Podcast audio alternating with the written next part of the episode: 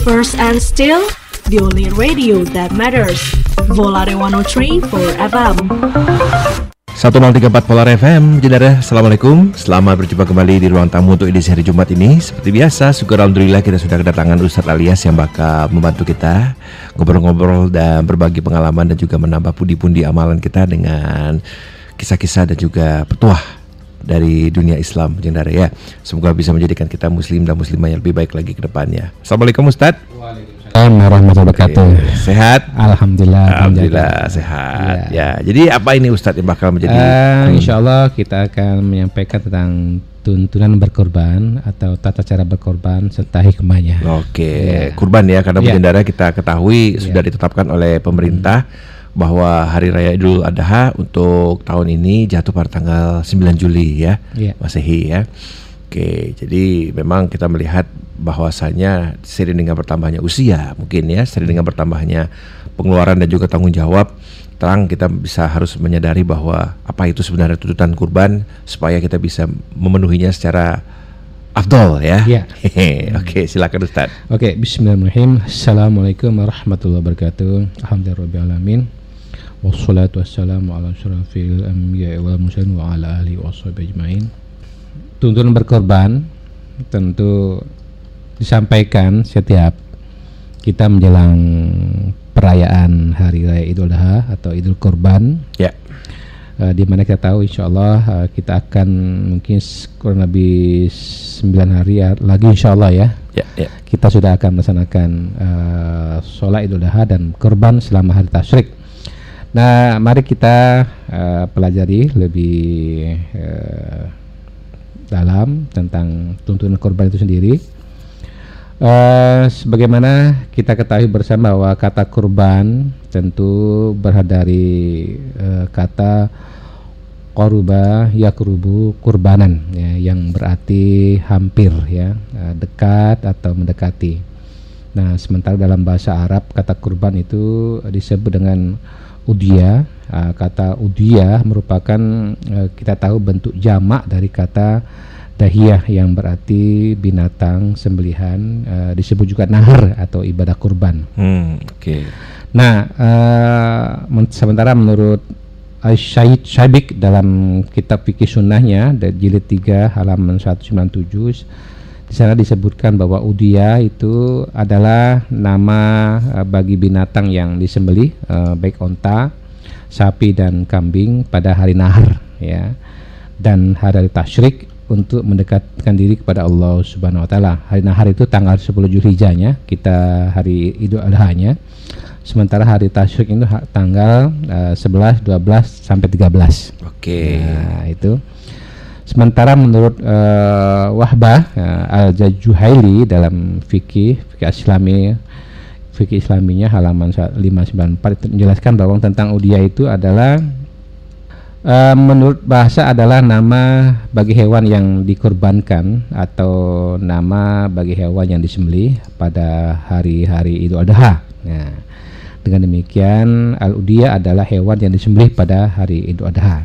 Nah, Menurut uh, eh, MTT EPPM, korban adalah udiyah, yaitu sebagaimana yang dikemukakan oleh Wahba Al-Jauhali, bahwa dia atau berkorban atau korban adalah menyembelih ya, menyembelih hewan yang tertentu dengan niat yang dengan niat mendekat diri pada Allah dalam waktu tertentu uh, atau hewan yang disembelih dalam rangka uh, mendekatkan diri kepada Allah pada hari-hari nahar atau tasyrik.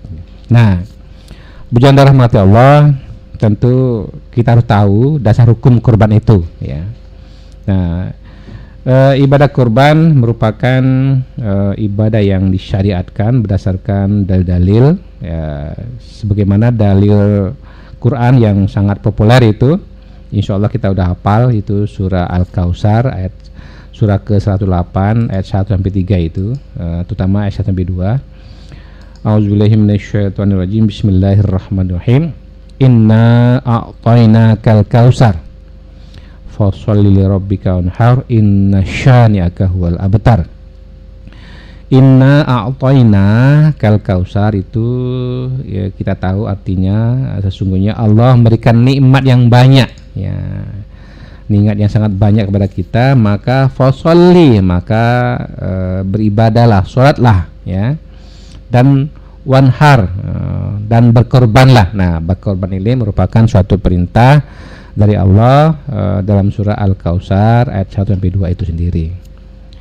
E, inna syani'aka abtar sungguhnya yang membenci kamu adalah orang yang terputus. Jadi bujan rahmat Allah kemudian dalam surah Al-Hajj juga disebutkan ayat 36 nah, itu dan telah kami jadikan untuk kamu unta-unta itu sebagai sebagian daripada syiar Allah. Nah, kamu memperoleh kebaikan yang banyak daripadanya, maka sebutkanlah olehmu nama Allah ketika kamu menyembelih dalam keadaan berdiri uh, dan telah terikat. Jadi apa kalau hewan kurban berupa onta itu memang e, menyembelihnya dalam keadaan berdiri hewan itu ya dan terikat. Nah, kemudian apabila telah roboh atau mati ya, maka makanlah sebagian dan berikanlah orang-orang yang tidak meminta-minta dan orang yang meminta-minta. Nah, demikianlah kami menundukkan onta-onta itu kepadamu, mudah-mudahan kamu bersyukur. Al-Had uh, ayat ke-36. Jadi bicara mati Allah itu dasarnya. Uh, kemudian dalam hadis Nabi yang juga disebutkan Ahmad, Abu Dawud dan At-Tirmizi bahwa saya sholat Idul Adha bersama Rasulullah SAW. Kemudian setelah selesai uh, kepada beliau diberikan seekor kibas ya kambing kibas yang besar. Lalu beliau menyembelihnya seraya berdoa ya dengan menyebut dengan bismillah dengan menyebut nama Allah maha besar wahai Allah ini dariku dan dari orang yang tidak berkorban dari umatku ya hmm, okay. jadi Nabi Muhammad SAW ternyata sudah mengorbankan uh, seekor kambing dan diniatkan untuk uh, dirinya dan untuk umat-umat yang tidak mampu berkorban oke okay. nah, jadi alhamdulillah Makanya korban itu diwajibkan hanya antang, oh, hanya untuk orang-orang mampu. Nah, para ulama uh, budang budandara berbeda pendapat ya, tentang hukum korban ya. Ada yang mewajibkan, ada pula yang hanya uh, sifatnya sunat yang dikuatkan atau sunat muakat. Ada yang mengatakan wajib ya, uh, ada pula yang berpendapat uh, sunnah biasa. Nah, terlepas dari uh, terlepas dari apa adanya perbedaan pendapat mengenai hukum melakukan kurban tetapi yang jelas ya bahwa ibadah kurban itu diperintahkan oleh Allah seperti yang kita tahu tadi surah surah Al-Kautsar ayat 18 ya ayat 1 sampai 2 ya. Nah, perbedaan tersebut ya tentu kita uraikan di sini supaya jelas ya uh, di antara dua pendapat tersebut bahwa uh, Abu Hanifah ya Abu Hanifah ya al Za'i dan Malik berpendapat bahwa kurban hukumnya wajib. Adapun dari yang dijadikan dasar adalah uh, surah Al-Kausar tadi, uh, kemudian hadis Ahmad dan Abu dari Abu Hurairah ya. Nah, dari Abu Hurairah radhiyallahu an bahwasannya Rasulullah SAW uh, bersabda ya, barang siapa yang memiliki keluasan harta dan tidak menyembelih hewan kurban maka janganlah mendekati tempat sholat kami atau masjidku. Ibnu Majah dan Ahmad ini uh, apa sanksi bagi mereka yang mampu tentunya. Nah, kemudian dari Muhammad uh, Ibnu Ismail Al-Kholani dalam kitabnya Subul Assalam uh, menjelaskan bahwa hadis di atas dijadikan dasar uh, oleh sebagian ulama yang berpendapat bahwa korban itu hukumnya wajib bagi orang yang mampu. Ya, sekali lagi uh, kalau yang berpendapat Abu Hanifah uh, itu bahwa bagi mereka adalah wajib uh, dengan dasar-dasar tersebut yang yang yang yang dijelaskan tadi secara lengkap ya. Kemudian uh, ulama telah berdalil dengan hadis ini untuk menentukan hukum wajib berkorban bagi yang mampu. Karena Rasulullah SAW melarang untuk mendekati tempat sholatnya e, menunjukkan bahwa memang dia yang tidak berkorban pada yang mampu e, meninggalkan kewajiban seakan-akan Rasulullah bersabda tidaklah sholat yang dilakukan berfaedah karena meninggalkan kewajiban ini atau berkorban kan firman Allah maka sholatlah karena Tuhan kamu dan berkorbanlah dan berkorbanlah Uh, dan hadis Nabi SAW wajib bagi penghuni rumah uh, korban dalam setiap tahun. ya setiap tahun bagi mereka yang mampu. Nah, eh, keterangan ini eh, hadis ini bahwa sesungguhnya memang eh, dari keterangan dari ahli hadis MTT EPPM itu bahwa hadis tersebut eh, menunjukkan ada ada hadis yang doifnya ya karena eh, keberadaan seorang perawi ya yang bernama Abdullah ibnu Ayash yang mungkarul hadis yang ya dan lemah hafalannya. Namun Imam Al-Baihaqi meriwayatkan hadis di atas dengan sanad yang lain yang bernilai sahih yaitu sanad yang tidak terdapat uh, Abdullah bin Ayash di dalam di dalamnya. Namun sayangnya memang riwayat Al Baihaqi disebut taukub yaitu hanya sampai kepada Abu Hurairah. Nah, kemudian pendapat uh, yang kedua, nah, dari Allah, Imam Syafi'i eh, Imam Malik dan Ahmad berpendapat bahwa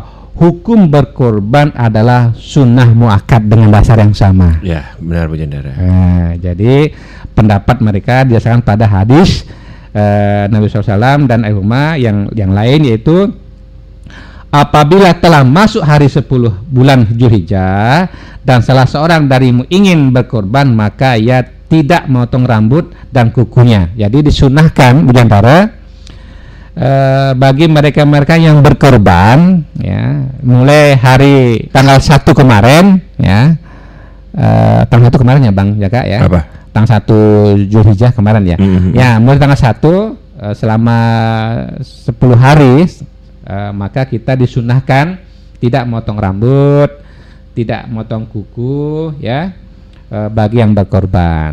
Nah, tapi itu sunnah hukumnya. Uh, alangkah baiknya kita apa mengikutinya tetapi ada hal-hal yang mungkin sangat mengganggu yang mungkin mengkhawatirkan terjadi penyakit uh, maaf seperti kuku yang tertusuk bagian dari daging kita uh, kalau dikhawatirkan apa mengkhawatirkan mungkin terjadi penyakit yang lebih menyakitkan tentu itu uh, nggak uh, apa-apa dipotong bagian-bagian yang tidak menyakitkan yaitu ya.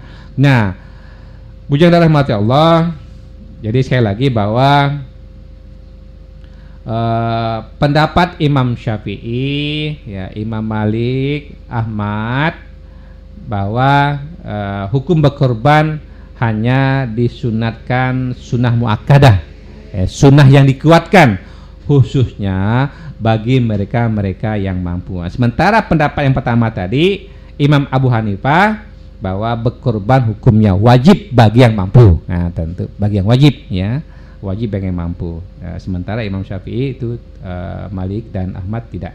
Nah, kemudian uh, mati Allah uh, tentu ya apa sih hikmah-hikmah kurban? Dan sering juga kita mendengar Bu kalau misalkan memang berkurban ini jangan sampai kita melupakan kewajiban kita yang paling utama yaitu melunasi hutang. Ya. ya. Jangan menjadi malah kan ada tuh Ustaz yang ya. kadang melupakan oh aku belum bisa bayar nih aku mau kurban. Ya. Nah, kebalik itu logikanya. Jadi kan jelas bilang darah yang tuntunan bagi yang bagi yang mereka yang adalah bagi yang mampu. Ya. Nah, kalau kita memiliki hutang atau tanggungan yang lebih penting, hmm. maka itu diutamakan dulu. Ya, jadi nah. memang terkadang kita memiliki persepsi bahwa hutang itu bisa dianggurkan loh. Ya. Nah, padahal kan kita juga mengetahui bahwa ya. di dalam agama hutang itu harus segera diselesaikan ya. Disegerakan. Disegerakan. Karena gitu. maut itu bisa datang tiba-tiba. Nah, gitu. Ya betul sekali. Posisinya wajib ya. Oh, wajib. Dan kalau misal kita melihat ya kurban ini sunat muakat ya. Iya. Ya, ya, sunat yang dikuatkan. Hmm. Baik, yang darah mati Allah, sebelum kita masuk ke hikmah ibadah kurban itu sendiri, kita akan sampaikan uh, kriteria ya, kriteria binatang kurban yang akan kita korbankan pada hari nahar maupun hari tasyik nanti. Nah, kriteria hewan kurban ya tentu mari kita lihat dari dua aspek ya, yaitu aspek uh, secara fisik ya. Uh, ya ini tentu kita tahu hewan kurban hendaknya yang sehat ya, yang sehat tidak cacat. Nah, hal ini juga uh, disampaikan oleh Nabi dalam hadis Muslim, At-Tirmizi dan An-Nasa'i. Uh, berkata Rasulullah SAW dari Anas telah berkorban dengan dua ekor kibas yang bertanduk yang bagus. Ia berkata dan saya melihat Rasulullah SAW melakukannya sendiri dan beliau meletakkan kakinya di atas kedua untanya. Uh, beliau membaca basmalah dan bertakbir. Oke. Okay. Nah, jadi berjantan mati Allah Rasulullah memberikan contoh ya Rasulullah sendiri yang meng, apa yang memotong sapi uh, kambing itu uh, dan dengan kriteria yaitu membaca basmalah dan bertakbir. Jadi kita membacanya Bismillah Allah Akbar. Ya, jadi sah dari itu hukumnya. Hmm. ya, jadi gitu cukup tidak tambah tidak ditambah dengan Ar-Rahman Ar-Rahim. Cukup Bismillah saja ya Bismillah Allah Akbar Allah Akbar dah selesai potong ya. Nah itu kriterianya yaitu yang pertama tadi adalah sehat. Nah, sehat sekarang ini e, kan ada penyakit yang kita kenal baru-baru ini namanya PMK. Hmm. PMK itu penyakit mulut dan kuku. Ustaz. Mulut dan kuku. Yeah. Nah, ini harus sterilkan, pastikan itu tidak teridentifikasi dengan uh, uh, ada edan dari MUI bahwa ada keterangan dari uh, tenaga kesehatan bahwa menyatakan bahwa uh, kambing ini atau hewan korban ini telah dinyatakan bebas dari PMK. Nah, itu Biandara ada memang uh, bimbingan, tuntunan, uh, fatwa dari MUI tentang itu. Jadi uh, sekali lagi bagi pemelihara atau ya penjual atau pem, apa yang akan membeli pastikan semua itu uh, apa memiliki uh, hewan yang sehat kenyataan sehat dengan catatan karena sekarang ini lagi pandemi pandemi ya Ya masih. Oh sudah pandemi PMK ya berarti ya? sudah. ya. Di Jawa Timur itu Ustadz sudah hmm. memasuki taraf yang mengkhawatirkan ya. Ya ada mengkhawatirkan. Hmm, nah, tapi ya, ya memang sudah turun ya semua ya. jajaran muspida lah boleh ya. dibilang seperti itu untuk bisa mengkontaminasi ini ya. hmm, ya. ya. Itu. Dan saya pernah baca koran Kalbar uh, beberapa waktu yang lalu uh, itu sudah lama mungkin lebih sebulan yang lalu saya baca itu Kalbar sudah masuk 200 ya kasus PMK. Nah, itu itu sebulan yang lalu, sekarang mungkin meningkat. Nah, oleh karena itu Bujang Dara uh, dari keterangan uh, tersebut mari kita pastikan bahwa hewan yang kita beli atau hewan yang kita akan korbankan dan terutama yang menjual tentu harus uh, kalau bisa uh, disyaratkan ya memiliki keterangan bahwa uh, hewan ini dinyatakan sehat. Nah, gitu. Terutama secara umum dalam apa seperti bagus, uh, saya apa uh, ada tanduknya, kemudian tidak cacat ya, itu di antaranya. Uh, dan tidak pincang ya. Nah, uh, diriwayatkan dari Ubaid bin Fairuz saya bertanya pad pada Al-Barra eh, bin Ajib tentang sifat-sifat apa saja yang menyebabkan tidak boleh pada binatang kurban ya, ya. Hmm. Nah, di antara kami kemudian beliau bersabda empat macam binatang tidak boleh dijadikan binatang kurban yaitu binatang yang buta. Nah, jelas butanya. Jadi kalau ada apa uh, hewan yang dikorbankan jelas butanya ya. Nah, itu nggak boleh. Kemudian uh, binatang yang sakit lagi jelas sakitnya. Nah, ya. Jadi uh, tadi dijelaskan bahwa harus ada ada apa? Ada kepastian bahwa hewan kita uh, sehat. Kemudian yang pincang uh, lagi jelas uh, kepincangannya dan binatang yang kurus uh, kering tidak bersih. Jadi yeah. di antaranya adalah saya ulang lagi ada empat ya, ada empat uh, kriteria dari Rasulullah. Uh, yang pertama adalah itu binatang yang buta jelas butanya jadi nggak boleh buta. Kemudian yang sakit dan jelas sakitnya berarti harus ada ada kepastian bahwa hewan itu jelas sehat. Kemudian yang pincang lagi jelas pincangnya. Nah, makanya kalau apa e, kalau beli itu jangan e, jangan yang udah pincang. Makanya para apa para pembeli dan pemilik yang membawa korban ke tempat pemotongan hati-hati ketika menurunkan uh, apa menurunkan uh, hewan sapinya. Ya, jadi ini juga untuk menghindari uh, pihak-pihak uh, yang mungkin yeah. me menjual atau membeli hewan-hewan yang tidak layak lah. Ya, tidak ya. layak betul. Ya. Mencari harga murah, hmm, nauzubillah, janganlah ya. ya. kan pernah saya menyaksikan uh, karena pas jadi panitia juga bahwa ketika hewan diturunkan dari mobil itu mm-hmm. uh, mungkin keseliu apa ya pleco uh, lah. pleco uh, loncatnya salah gitu ya maka yang patah. Nah itu gimana Ustaz akhirnya? Maka ini kan jelas pincangnya jelas kan? Oh nah, seperti itu konteksnya. Jadi kita harus memahami bahwa yeah. kondisinya itu jelas ya. Jelas, nah, jadi kalau bisa misalkan tiba-tiba pincang ini nggak tahu nih ngapa nih tahu-tahu oh. tadi malam pincang nah itu kan tidak jelas ya Bu Jadara ah, mungkin maksud seperti itu kalau memang yeah. kita mengetahui yeah. asal dan sebab musababnya yeah. Yeah. ya itu boleh dikatakan sebagai kondisi yeah. yang jelas gitu. nah pernah suatu ketika ya, ketika uh, hewan korban itu sudah dibawa dan sudah di sudah ada transaksi sebelumnya ternyata setelah dicek oleh dinas kesehatan ya, tim kesehatan ternyata ada beberapa ekor di antara hewan tersebut tidak layak untuk dikorbankan. Hmm, okay, ada okay. yang kurang kurang umur, hmm, uh, yeah, yeah. memiliki penyakit. Kemudian uh, mereka menya hanya menyampaikan informasi itu. Uh, kami kembalikan kepada yang pemilik korban katanya. Uh, yang jelas catatan kami seperti ini. Uh, jadi begitu, Jadi untuk ke depannya memang uh, kita sudah sampaikan bahwa memang hewan itu harus ses uh, sesuai dengan kriteria yang yang disampaikan. Kemudian uh, saya jelaskan lagi bahwa hewan itu memang bertanduk lengkap, ya, yang disebut dengan al akron, ya. Kemudian gemuk badannya atau uh, memiliki daging.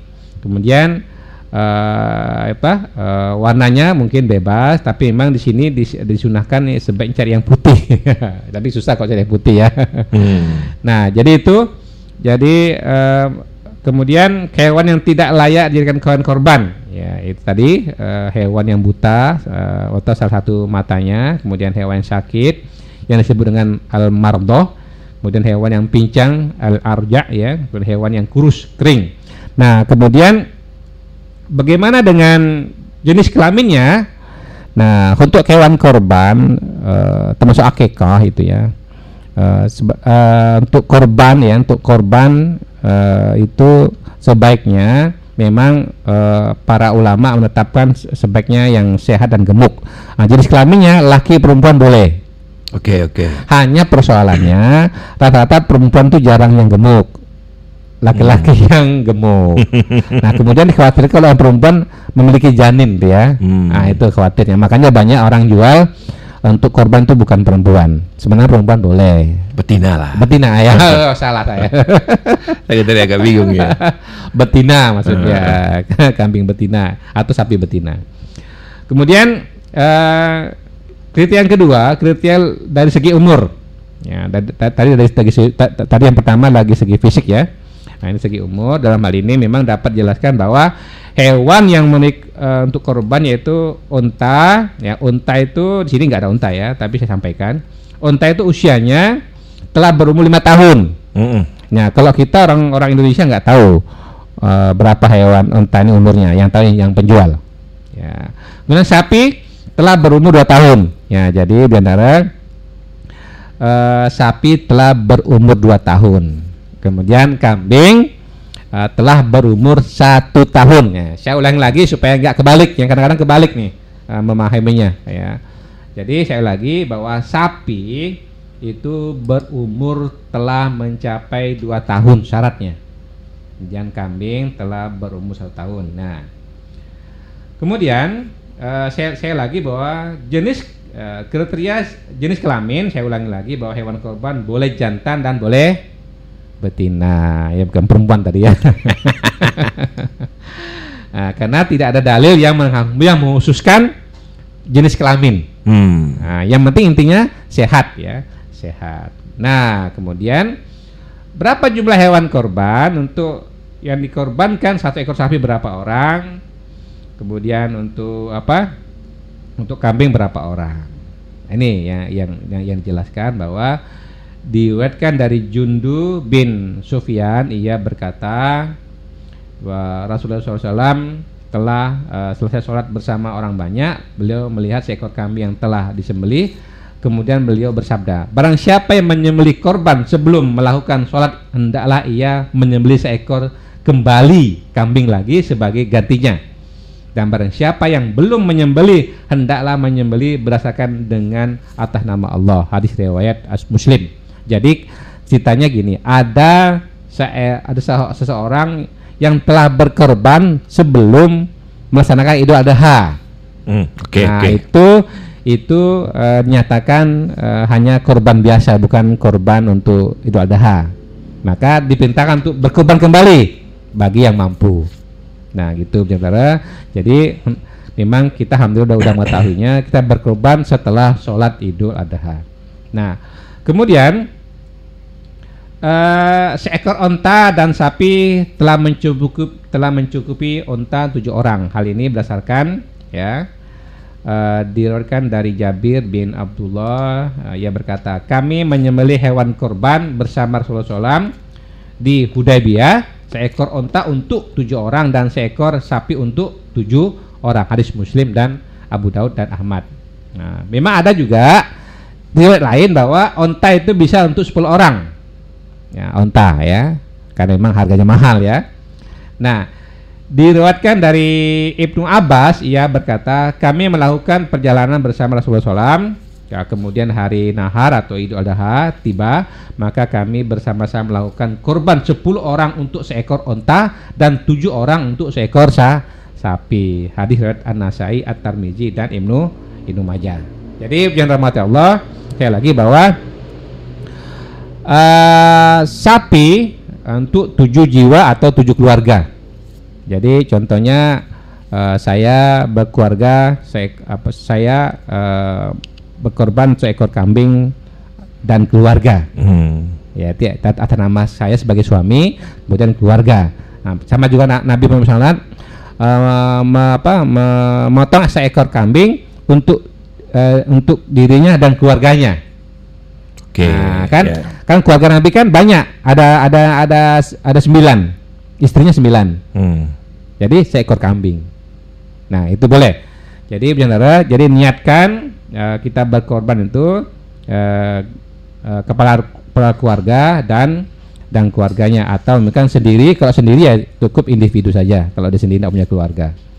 Nah, uh, penyembelihan hewan korban ya tentu uh, disyariatkan, disunahkan itu tentu pada hari-hari tas pada ha, tanggal 10 uh, kemudian tanggal uh, sampai pada tanggal 13 Julhijjah ya tanggal 10 hari naharnya tak hari tasyriknya itu 11, 12 dan 13. Nah, dari ini hal ini didasarkan pada dalil berikut ini dari uh, firman Allah Al-Had 28 bahwa supaya mereka menyaksikan berbagai manfaat bagi mereka dan supaya mereka menyebut nama Allah pada hari yang telah ditentukan atas rezeki yang telah Allah berikan kepadanya berupa ternak maka makanlah sebagian dari hewan kurban dan berilah uh, makan olehmu orang-orang yang sengsara lagi fakir. Nah, ini uh, apa uh, dari Jubair uh, bin Mat'am dari Nabi SAW bersabda, semua hari tasyrik adalah waktu penyembelian hewan korban. Hadis riwayat Ahmad. Hmm, Oke, okay, nah, ya, jadi ya. seluruh hari tasyrik yang 11, 12, 13 itu dibolehkan kita untuk uh, apa namanya menyembelih hewan korban. Hanya memang sebagian besar kepanitiaan kita itu berkorban itu rata-rata disepakatinya hari pertama, hari libur ya. Nah, sementara untuk hari tasya itu rata-rata nggak libur kecuali bagi mereka yang uh, bagi mereka-mereka yang memang uh, tidak uh, apa uh, semuanya hari semuanya hari hari libur ya. Atau bisa bisa digunakan hari lain yang bagi mereka yang tidak uh, yang tidak libur. Nah, sementara itu orang yang menyembelih hewan korban diutamakan uh, sahibul kurban. Ya disunahkan ya Bujandara bagi yang berkorban itu disunahkan bagi yang sanggup. Ya ingat itu Bujandara nah, bagi sunahkan yang sanggup untuk uh, menyembelih sendiri uh, kambing atau sapi kan kalau sapi kan ada tujuh tujuh jiwa ya nah diwakilkan boleh siapa yang paling berani di antara atau yang mengetahui tata cara penyembelihan hmm. dan syariat dan syaratnya ya silakan karena memang uh, saya sendiri awalnya memang ketika menyembelih hewan itu agak gemetar Bang Jaka, agak takut gitu kan. uh, karena ada teman cerita uh, mereka menyembelih hewan sapi itu korban karena memang tidak siap sama yang yang megang kemudian penyembelihannya itu juga tidak siap ketika masuk ke leher mulai ditekan ternyata ada yang salah teknis akhirnya sapi itu kepalanya langsung ngibas gitu. Hmm. Nah ngibas pisaunya loncat. Wah. Ah, pisaunya loncat hampir kena penjagal itu sendiri. Nah ini yang dikhawatirkan memang. Saya ingatkan yang darah ketika bujang dara yang berkorban mau menyembelih diri pastikan genggaman ya. Genggaman tangan kita ke yang pisau itu sangat kuat jangan sampai lemah karena dikhawatirkan sapi itu yang kita pegang itu ngibas lehernya maka dikhawatirkan kita ter, bisa bisa terkena insiden yang tidak diinginkan. Itu hati-hati. Tapi uh, bagi mereka yang tidak sanggup maka disunahkan untuk melihat menyaksikan Nah, menyaksikan hewan yang dikorbankan ya uh, sampai selesai. Ya, kalau sanggup ya, kalau tidak sanggup tidak masalah, tutup cukup titip saja. Kemudian uh, apalagi penyembelihannya dengan pisau tajam ya. Diriwayatkan dari uh, Sadat Ibnu As radhiyallahu an Rasulullah SAW beliau bersabda, ada dua hal yang senantiasa aku jaga yang berasal dari Rasulullah SAW uh, Allah memerintahkan untuk berbuat kebaikan kepada segala sesuatu. Apabila kamu membunuh, maka baguskanlah cara dan keadaan dalam membunuh. Dan apabila kamu menyembelih, maka baguskanlah penyembelihannya dan hendaklah memejamkan mena, memajam mema, menajamkan pisaunya ya dan uh, menenangkan hewan sembelihannya hadis Muslim. Jadi saya sampaikan Bujadara disunahkan ketika kita memotong hewan korban, beberapa hewan korban, maka uh, yang belum dipotong itu untuk tidak dilihatkan kepada yang akan uh, hewan korban yang dipotong. Jadi tutup matanya ya atau di ditempatkan bagian yang lain jangan sampai eh, hewan-hewan uh, korban itu melihat rekannya dipotong. Jadi memang kita melihat untuk yeah. pemotongan hewan kurban ini tetap ada aturan-aturan yeah. ujendara ya. Yeah, kita betul. tidak boleh memberikan rasa trauma yeah, atau juga betul. siksa psikis terhadap hewan dan mungkin ini apabila terkesan aneh dan tidak relevan, tapi itu merupakan sesuatu yang sudah diatur oleh agama ya. Yeah. Jadi kalau misalnya Bujendara bicara mengenai sekarang kebiasaan-kebiasaan orang yang vegan apa segala macam, itu Islam juga sudah dari dulu Bujendara memperhatikan yeah. kondisi mental hewan kurban iya, ya. betul. Jadi tidak tidak menyiksa, tidak menempatkan mereka dalam kondisi iya. yang berat gitu. Iya. Makanya saya juga juga suka kadang prihatin ya melihat ada penyembelihan hewan kurban yang sampai dipaksa gitu Ustaz ya. Iya betul. Ya sedemikian rupa. Uh, itu malah menjurus penyiksaan ya. Iya. Itu ya walau walam lah itu iya, amalannya gimana itu. Betul. Makanya Nabi mensyaratkan pisaunya sangat tajam. Hmm. Bagaimana ukuran ukuran pisau tajam? Nah, karena saya orang kampung tahu. ya karena Jadi, memang ya, ya seperti yang Ustadz tadi juga ya, sampaikan tidak ya. semua orang memiliki kemampuan ya, ya betul. untuk menyembelih hmm. apalagi kita bicara mengenai sapi ya, yang beratnya mungkin sampai puluhan ya. ratusan kilo ya. Betul jadi intinya pisau harus tajam. Nah, ciri-cirinya pisau tajam itu adalah kalau di apa? Kalau di apa di put, rambut kita nih eh, di apa di di apa digeser dikit dia terputus uh, karena pisau kita maka itu ciri-ciri pisau yang sangat tajam. Ya, ciri-cirinya uh, kemudian uh, penyembelihannya kalau bisa ditekan sekali ditekan hmm. sekali jangan uh, ada pun ada kita berulang yang penting pisaunya tajam ya memang ada uh, hal tertentu memang kalau bisa sekali tekan uh, sudah putus uh, uh, tenggorokannya kemudian dua urat leher yang dua itu yang kanan kiri ya. Makanya motongnya harus melingkar gini. Hmm. ya melingkar supaya leher kanan kirinya itu terputus. Karena kalau nggak terputus maka dia bisa berdiri kembali. Nah itu khawatir jangan darah kemudian uh, apa hal yang sunnah yang lain? Yaitu selain tadi uh, tidak diperlihatkan memotongnya pisau tajam kemudian juga diarahkan ke kiblat nih. Nah, jadi sapi atau kambing itu diarahkan kiblat ke kepalanya sebelah kanan, uh, kemudian uh, kakinya sebelah kiri. Ya, lambung dia dia harus uh, apa? Uh, dibaringkan lambung kanan. Ya, lambung kanan dibaringkan ke lambung kanan. Itu uh, apa? langkah-langkah sunah-sunahnya. Kemudian uh, kemudian setelah diarah kiblat uh, jangan lupa didoakan. Nah, hmm. didoakan uh, minimal doanya yaitu Allahumma sholli Muhammad wa ali Muhammad. Nah, Allahumma sholli ala kepada siapa? Uh, Allah sholli ala kepada yang berkorban, kemudian sebut keluarganya. Nah, itu minimal seperti itu doanya Bujang Uh, ini juga didasarkan pada hadis uh, apa Abu Daud ya. Uh, kemudian uh, pembagian hewan korban dagingnya tentu uh, diutamakan bagi mereka sohibul kurban ya sohibul kurban bagi yang berkorban itu boleh uh, boleh makan uh, apa uh, seperempatnya boleh mensisanya untuk dibagi kepada orang lain kemudian uh, kepada orang sengsara atau fakir kan orang tidak minta-minta maupun tidak minta-minta-minta. Jadi orang miskin boleh. Orang-orang uh, semua orang boleh dapatkan ya uh, untuk hewan korban ini maka kalau untuk hewan korban agak kita nggak terlalu khawatir bang Jaka yeah. yang dari semuanya karena semua orang boleh dapat. Nah tapi utamanya kelompok ini soibul korban orang sengsara lagi fakir kemudian uh, orang yang tidak minta maupun orang yang minta-minta atau orang miskin. Bagaimana dengan kepanitiaan? Ada yang tanya nih. Ya. ya, apa banyak banyak yang banyak yang julid.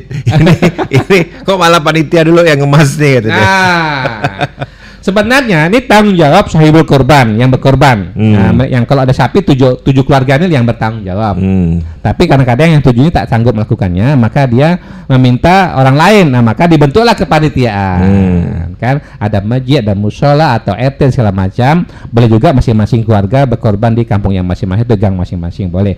Nah, karena ada orang yang membantu, maka yang membantu ini boleh didapat, boleh dapat. Yang bantu ya. yang bantu yang menolong apalagi mereka termasuk golong-golong orang yang tidak mampu. Ya. Kemudian khusus penjagal ya penjagal beda yang bantu. Ya ya berjara jadi yang penjagal ini dalam hadis Nabi tidak diberikan sedikit pun daging padanya. Nah itu khusus penjagal pemotong ya. Maka diberi kepada upah. Apa upahnya? Bisa ber sekarang ini Indonesia bisa berupa uang atau yang lainnya? Upah. Yang penting selain daging Hmm. Ya, bagi maka tempat kami itu ada iuran. Iuran bagi yang berkorban diminta untuk hewan apa untuk penjaga, untuk pemotong yang sukarela. Ada yang 50 ribu, ada 100 ribu. Jadi jadi itu uh, dikumpulkan untuk penjagal ya. Nah, jadi itu jadi uh, intinya bahwa penjagal beda dengan uh, yang bantu memotong-motong yang matang tulang, kemudian kulit dan segala macam sehingga hingga hingga dibagikan kepada mereka. Jadi intinya panitia itu membantu sohibul korban. Nah, jadi panitia itu membantu sohibul korban, maka wajar kalau mereka dapat uh, dikasih sama sohibul korban. Ada juga emang uh, boleh juga diberikan dalam bentuk lain selain selain apa selain korban selain hewan boleh yaitu dikasih dengan berupa uang atau apa bagi mereka yang bantu. Tapi dalam hal ini yang bantu kan termasuk kelompok-kelompok orang-orang yang uh, mungkin yang, yang dianggap mampu untuk mendapatkan hewan korban maka mereka diberikan itu. Uh, itu udah rahmati Allah. Jadi bahwa hal-hal yang tidak boleh dilakukan oleh sahibul korban adalah menjual ya. Jadi hal-hal yang tidak dilakukan oleh sahibul korban bagian berkorban adalah menjual bagian dari hewan korban baik daging kulit dan lainnya. Nah, ini boleh. nih enak ya. boleh ya. Kalau bisa mau ngasih ngasih ya. Ngasih ya, ya. Jangan, jangan jual. Jangan ada timbal baliknya ya. Ya. Kemudian memberikan bagian dari hewan korban sebagai upah penyembelihan, tetapi boleh diberikan sebagian dari penerima daging korban. Nah, sekali lagi bahwa memberikan bagian dari hewan korban sebagai upah penyembelihan, ya uh, tetapi tidak boleh diberikan sebagian dari penerima daging korban. Nah itu ya sekali lagi bahwa bahwa usus penjagal itu hanya berupa apa tadi uh, berupa uh, upah bukan berupa daging hewan korban. Uh, mati Allah, uh, tentu di akhir pertemuan ini mari kita uh, apa sampaikan hikmah-hikmah berkorban itu sendiri. Sebagaimana yang saya sampaikan tadi di awal bahwa Surah Al-Kausar, Quran surah Al-Kausar ayat 1 3 itu uh, berbunyi inna a'tainakal kausar fasholli rabbika wanhar inna syanaka wal abtar. Sesungguhnya kami telah memberikan kepadamu nikmat yang banyak karena Allah memberikan nikmat yang banyak kepada kita, maka uh, ayat keduanya maka dirikanlah sholat karena Tuhanmu dan berkorbanlah ini perintah okay. ya. Kemudian yang ketiga sesungguhnya orang-orang yang membenci kamu adalah dia terputus. Jadi orang-orang yang membenci orang yang membenci syariat ini, uh, sunnah ini, ini dianggap orang-orang yang uh, terputus. Kemudian uh, hikmah korban yang lain adalah kebaikan dari setiap helai bulu hewan korban. Ya, jadi uh, dari Jaid bin Alqam dia berkata, uh, wahai Rasulullah, apakah kurban itu? Rasulullah SAW menjawab, kurban adalah sunnahnya bapak kalian, nah, yaitu Nabi Ibrahim. Mereka menjawab, apa keutamaan yang kami akan peroleh dengan korban itu Rasulullah uh, kemudian Rasulullah menjawab setiap satu helai rambutnya adalah satu kebaikan. Nah, mereka menjawab, kalau bulu-bulunya bagaimana? Rasulullah SAW menjawab, setiap satu helai bulunya juga satu kebaikan. Hadis riwayat Ahmad jadi beliau rahmat Allah uh, dengan dengan hadis ini jelas bahwa kebaikan setiap bulu, setiap uh, dari hewan korban itu sendiri itu uh, sebagai uh, sebuah kebaikan. Kemudian, kemudian uh, hikmah yang lain adalah ibadah kurban adalah ciri-ciri keislaman seseorang ya hadis lewat Ahmad eh, Ibnu Majah bahwa dari Abu Hurairah radhiyallahu anhu bersabda siapa yang mendapati dirinya dalam keadaan lapang mampu lalu ia tidak berkorban maka janganlah ia mendekati tempat sholat kami atau masjid ya itu ya sanksinya bagi mereka yang uh, tidak berkorban khususnya bagi yang mampu Nah, ibadah korban adalah salah satu ibadah yang paling disukai Allah. Ya, dari Aisyah Rasulullah SAW bersabda bahwa uh, tidak ada amalan anak cucu Adam pada hari raya kurban lebih disukai Allah melebihi dari mengucurkan darah penyembelihan hewan korban. Sesungguhnya pada hari kiamat nanti hewan korban tersebut akan datang lengkap dengan tanduk-tanduknya, ya, kuku-kukunya dan bulu-bulunya. Sesungguhnya darahnya akan sampai kepada Allah sebagai kurban di mana pun hewan itu disembelih sebelum darahnya sampai ke tanah. Maka ikhlaskanlah penyembelihannya. Hadis ini riwayat Ibnu Majah Tirmizi uh, menyatakan hadis ini adalah uh, Hasan Qaib kemudian hikmah yang lain adalah berkorban membawa misi ke kepedulian dan uh, pada sesama dan mengembirakan dan mengembirakan kaum kaum duafa atau kaum kaum yang lemah. Nah, hari korban adalah hari untuk makan, minum dan zikir kepada Allah. Nah, jadi uh, hadis Muslim itu bujandara. Ya, jadi intinya adalah Uh, semua kebaikan yang ada pada hewan korban uh, merupakan uh, nilai yang sangat besar di hadapan Allah Subhanahu wa taala. Kemudian yang sampai kepada Allah adalah nilai takwa kita ketika kita berkorban bukan dagingnya. Uh, sementara hikmah yang lain adalah uh, mak maka dirikanlah sholat karena Tuhanmu dan berkorbanlah. Uh, Syekhul Islam Ibnu Taimiyah radhiyallahu an sebagaimana dalam Majmu'at Fatwa ketika menafsirkan ayat tersebut di atas bahwa Allah Allah Allah Subhanahu wa taala memerintahkan beliau untuk mengumpulkan dua ibadah yang agung yaitu sholat dan menyembelih korban yang menunjukkan sikap takarut tawadu karena butuh kepada Allah Subhanahu wa taala.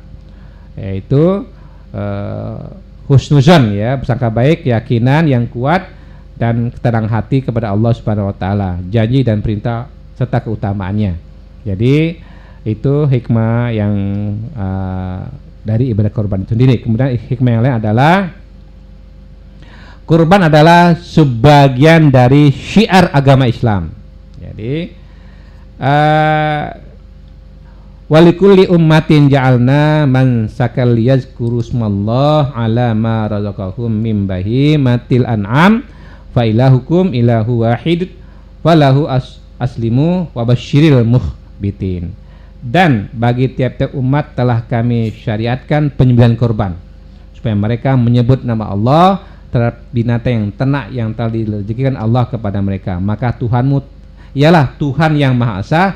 Karena itulah berserah dirilah kamu kepada Allah dan berilah kabar gembira kepada orang yang tunduk dan patuh kepada Allah. Surah uh, Al-Had ayat 34 Bujang rahmati Allah Nah, yang terakhir adalah hikmah kurban adalah mengenang ujian kecintaan dari Allah kepada Nabi Ibrahim.